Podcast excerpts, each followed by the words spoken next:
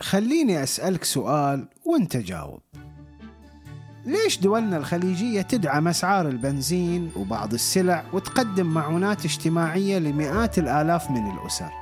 هل لأن المعونات جزء من متطلبات الرفاهية وتدليع المواطنين؟ أو لأن عندنا مواطنين فقراء فعلا وما يقدرون يوفرون الأساسيات؟ أنا هالسؤال يدور بخاطري من زمان ودي أسألك إياه يا هلا في حلقة جديدة من بودكاست تو النهار وموضوع اليوم عن الفقر في الخليج. من هو الفقير؟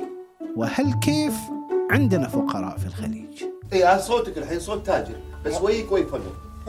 إيه فيك خصلة زينة. يعني؟ يعني هل هذه مالت التجار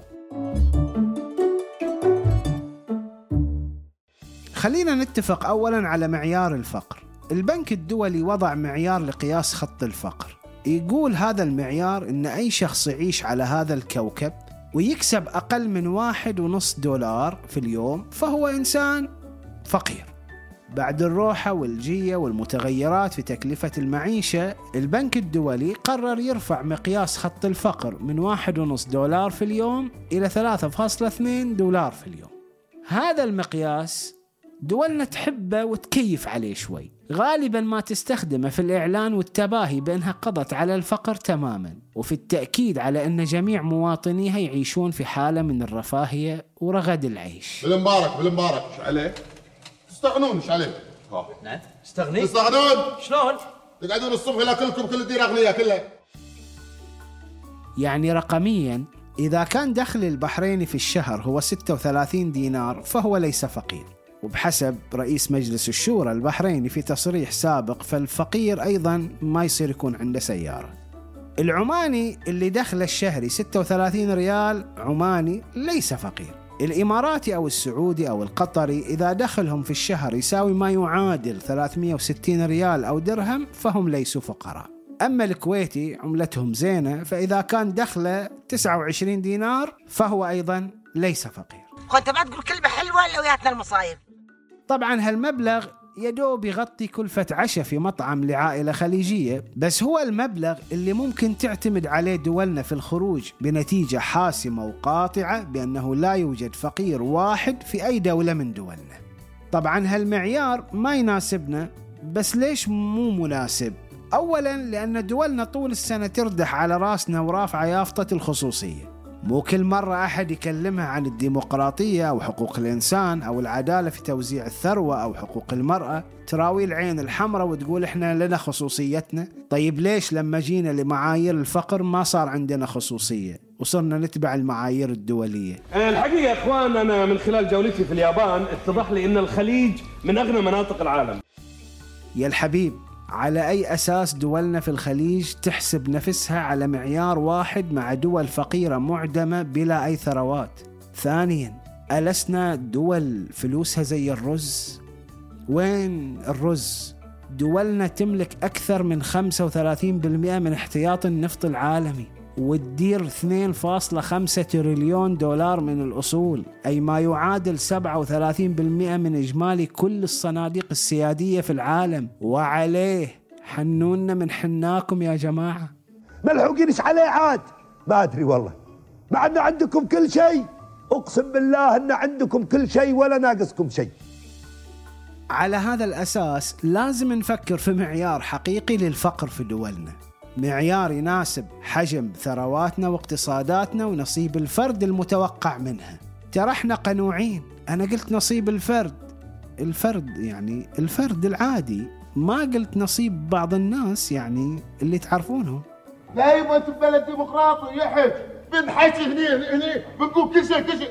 انت ما حسيت بعد احد احد المعيار الواقعي للفقر هو أن الخليجي يجب أن يكون قادر على تأمين سكنه.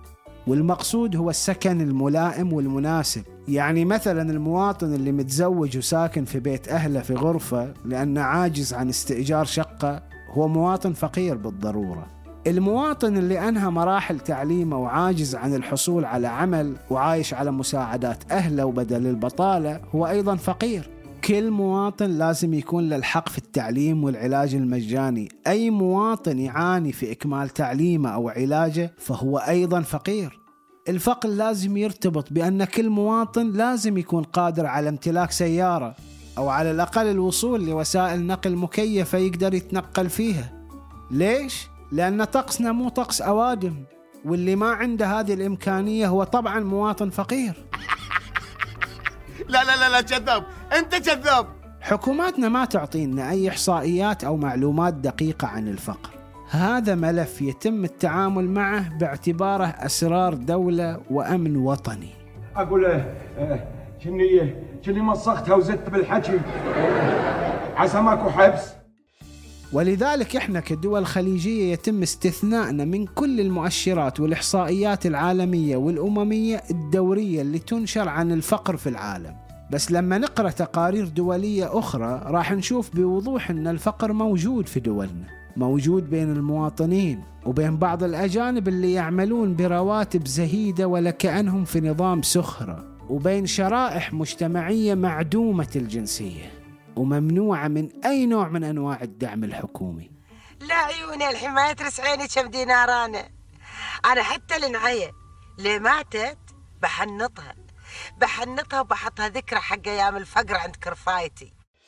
دولنا شاطرة في التكتم وإظهار صور دعائية وغير دقيقة عن مشاكلها الاجتماعية. كيف نقول أن معدل الفقر صفر وعندنا آلاف الأسر تعيش على المساعدات ونصرف ملايين على الإعانات الاجتماعية؟ اضرب هذا بذاك بيطلع لك معامل الفقر في دولنا. لازم تخلونا نروح لأساليب غير مباشرة عشان نشوف الفقر وين.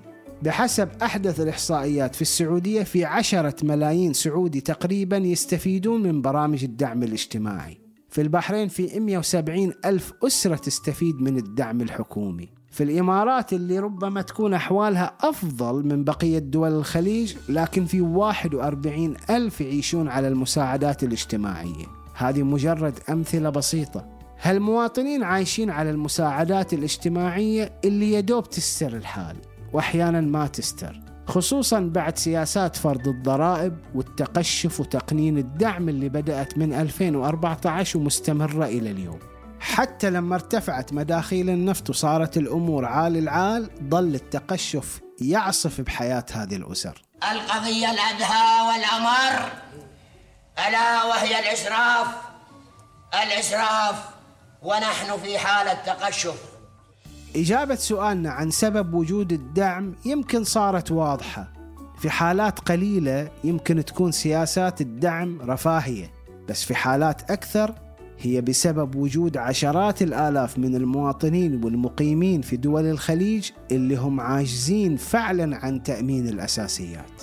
طبعا معالجات دولنا للفقر مختلفة فيها المجتهد والفالح وفيها طايح الحظ والخايب. من يوم ما صار اقلب صعد والحالة كثيفة. ذاك الزفر في الجو اللي فيها أواضيفه هذا الحب مهما يكون. أيام لطيفة أيام لطيفة كان معاكم عادل مرزوق في أمان الله. انت اللي ظلمتيني عبستيني عبيد هاي هاي.